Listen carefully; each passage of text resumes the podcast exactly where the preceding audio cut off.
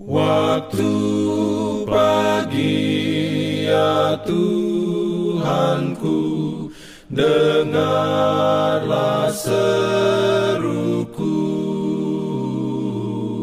Melayang doa yang sungguh Memandang padamu. Selamat pagi pendengar Radio Advent Suara Pengharapan Mari mendengarkan suara Tuhan melalui tulisan pena inspirasi Yesus, nama di atas segala nama. Renungan harian 25 Februari 2024 dengan judul Pengantara Allah dan Manusia. Ayat inti diambil dari Yohanes 3 ayat 16. Firman Tuhan berbunyi, karena begitu besar kasih Allah akan dunia ini, sehingga Ia telah mengaruniakan anaknya yang tunggal, supaya setiap orang yang percaya kepadanya tidak binasa, melainkan beroleh hidup yang kekal. Perlindungan dalam pimpinannya. Urayanya sebagai berikut. Kristus diperlakukan sebagaimana kita layak diperlakukan, supaya kita dapat diperlakukan sebagaimana Ia layak diperlakukan. Ia dihina karena segala dosa kita, yang dalamnya Ia tidak terlibat, supaya kita dapat dibenarkan oleh kebenarannya, yang dalamnya kita tidak mempunyai hak apa-apa.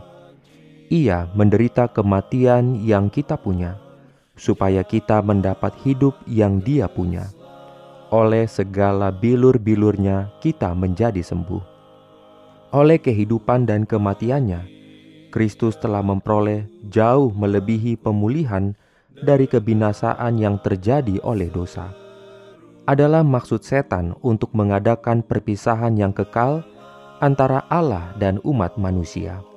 Akan tetapi, dalam Kristus kita dihubungkan lebih rapat lagi dengan Allah daripada sekiranya kita tidak pernah berdosa. Dalam mengambil sifat-sifat kita, Juru Selamat telah mengikatkan dirinya kepada manusia dengan ikatan kasih yang tidak akan pernah putus. Sepanjang zaman yang kekal, ia dihubungkan dengan kita. Karena begitu besar kasih Allah akan dunia ini, sehingga ia telah mengaruniakan anaknya yang tunggal. Ia mengaruniakan anaknya bukan saja untuk memikul dosa-dosa kita belaka dan mati sebagai korban kita, ia menyerahkannya kepada umat yang telah berdosa. Untuk memberi kita kepastian tentang janji perdamaiannya yang tidak terubah itu, Allah mengaruniakan anaknya yang tunggal itu untuk menjadi anggota keluarga umat manusia, untuk selama-lamanya memiliki sifat kemanusiaannya. Inilah ikrar yang menunjukkan bahwa Allah pasti akan menepati janjinya. Seorang anak lahir untuk kita, seorang putra telah diberikan untuk kita. Lambang pemerintahan ada di atas bahunya. Allah telah memakai sifat kemanusiaan dalam diri anaknya dan telah membawa sifat itu ke langit yang tertinggi. Anak manusia itulah yang juga turut bersemayam di tahta alam semesta.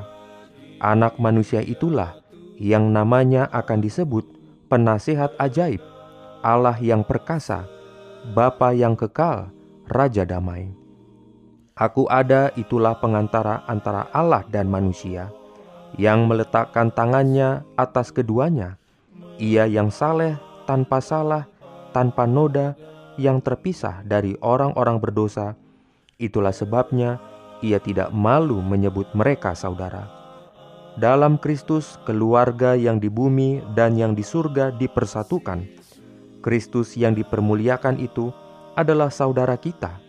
Surga diabadikan dalam manusia, dan manusia dirangkul mesra dalam dada kasih yang tidak terduga renungkan lebih dalam bagi Anda.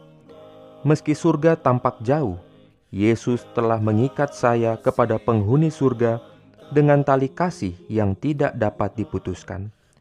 apakah hal pertama yang akan saya lakukan ketika saya bertemu dengan keluarga surgawi saya?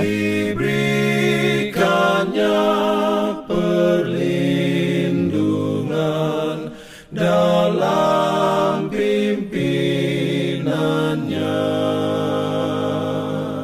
Pimpin Jangan lupa untuk melanjutkan bacaan Alkitab sedunia. Percayalah kepada nabi-nabinya yang untuk hari ini melanjutkan dari buku Yeremia pasal 28. Selamat beraktivitas hari ini. Tuhan memberkati kita semua. jalan kewajiban